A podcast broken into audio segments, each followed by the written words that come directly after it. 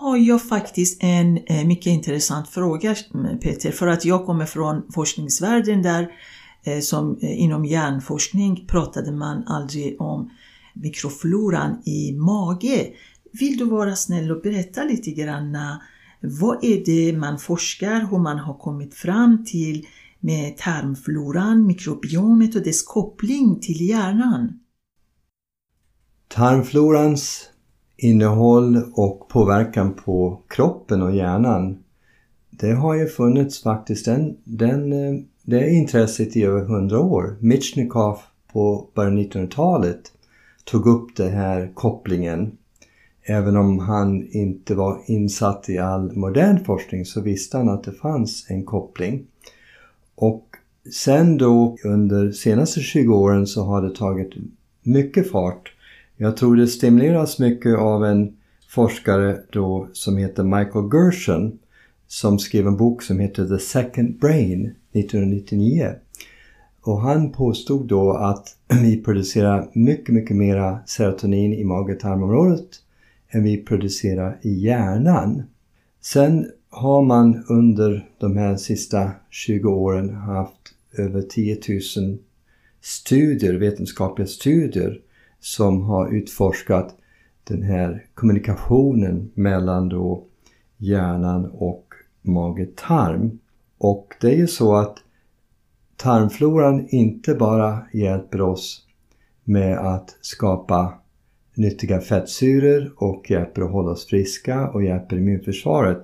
Men tarmfloran hjälper att ge signaler som kan vara gynnsam för hjärnan och så sen de här slemhinna och magområdet producerar vi massor med sådana här signalsubstanser. Sen finns påverkan, den går ju via vagusnerven och det kan ju gå via blodbanorna. Det kan ju gå genom signaler som heter cytokiner som påverkar vagusnerven. Så det finns en ständig kommunikation. Det är faktiskt så att 90% av informationen kommer från mage-tarm till hjärnan och 10% går från hjärnan till mage-tarm. Heidi, berätta lite om koppling mellan magen och hjärnan. Hur kan magen egentligen påverka våra tankar och sinnesstämning? Ja du Peter, som du sa faktiskt själv, det går de flesta signalerna från mage till hjärnan och där får vi väldigt mycket uttryck från vad det händer runt omkring även om man inte skulle tro. Det finns faktiskt en väldigt intressant forskningsområde där man eh, fokuserar väldigt mycket på vagus och sambandet eh, mellan den här kommunikationen mellan mage och hjärnan och hur den fungerar.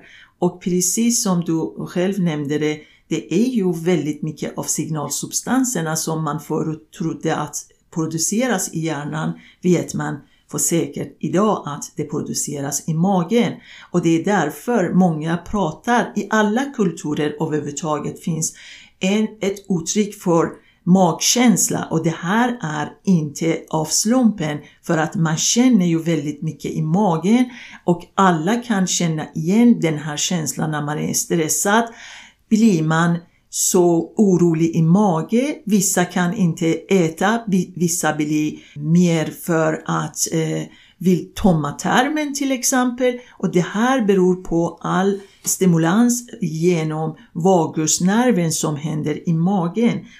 Vagusnerven har väldigt stor roll i hur det här eh, systemet fungerar och signalerna som går genom vagus i hjärnan är väldigt viktigt. Men sedan har vagus två av sina grenar in i hjärnan, andra delar så att det, det här kommunikationen underlättas med vagus inverkan.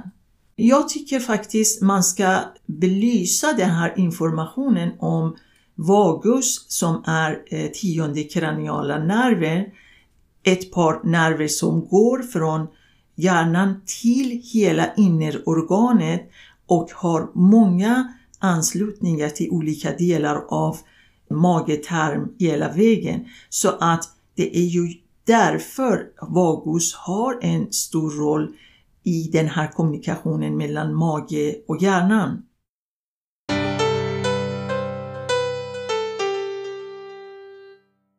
Lär dig mer genom att besöka hemsidan radda din hjärna nu.se Besök den, köp boken, sätt igång!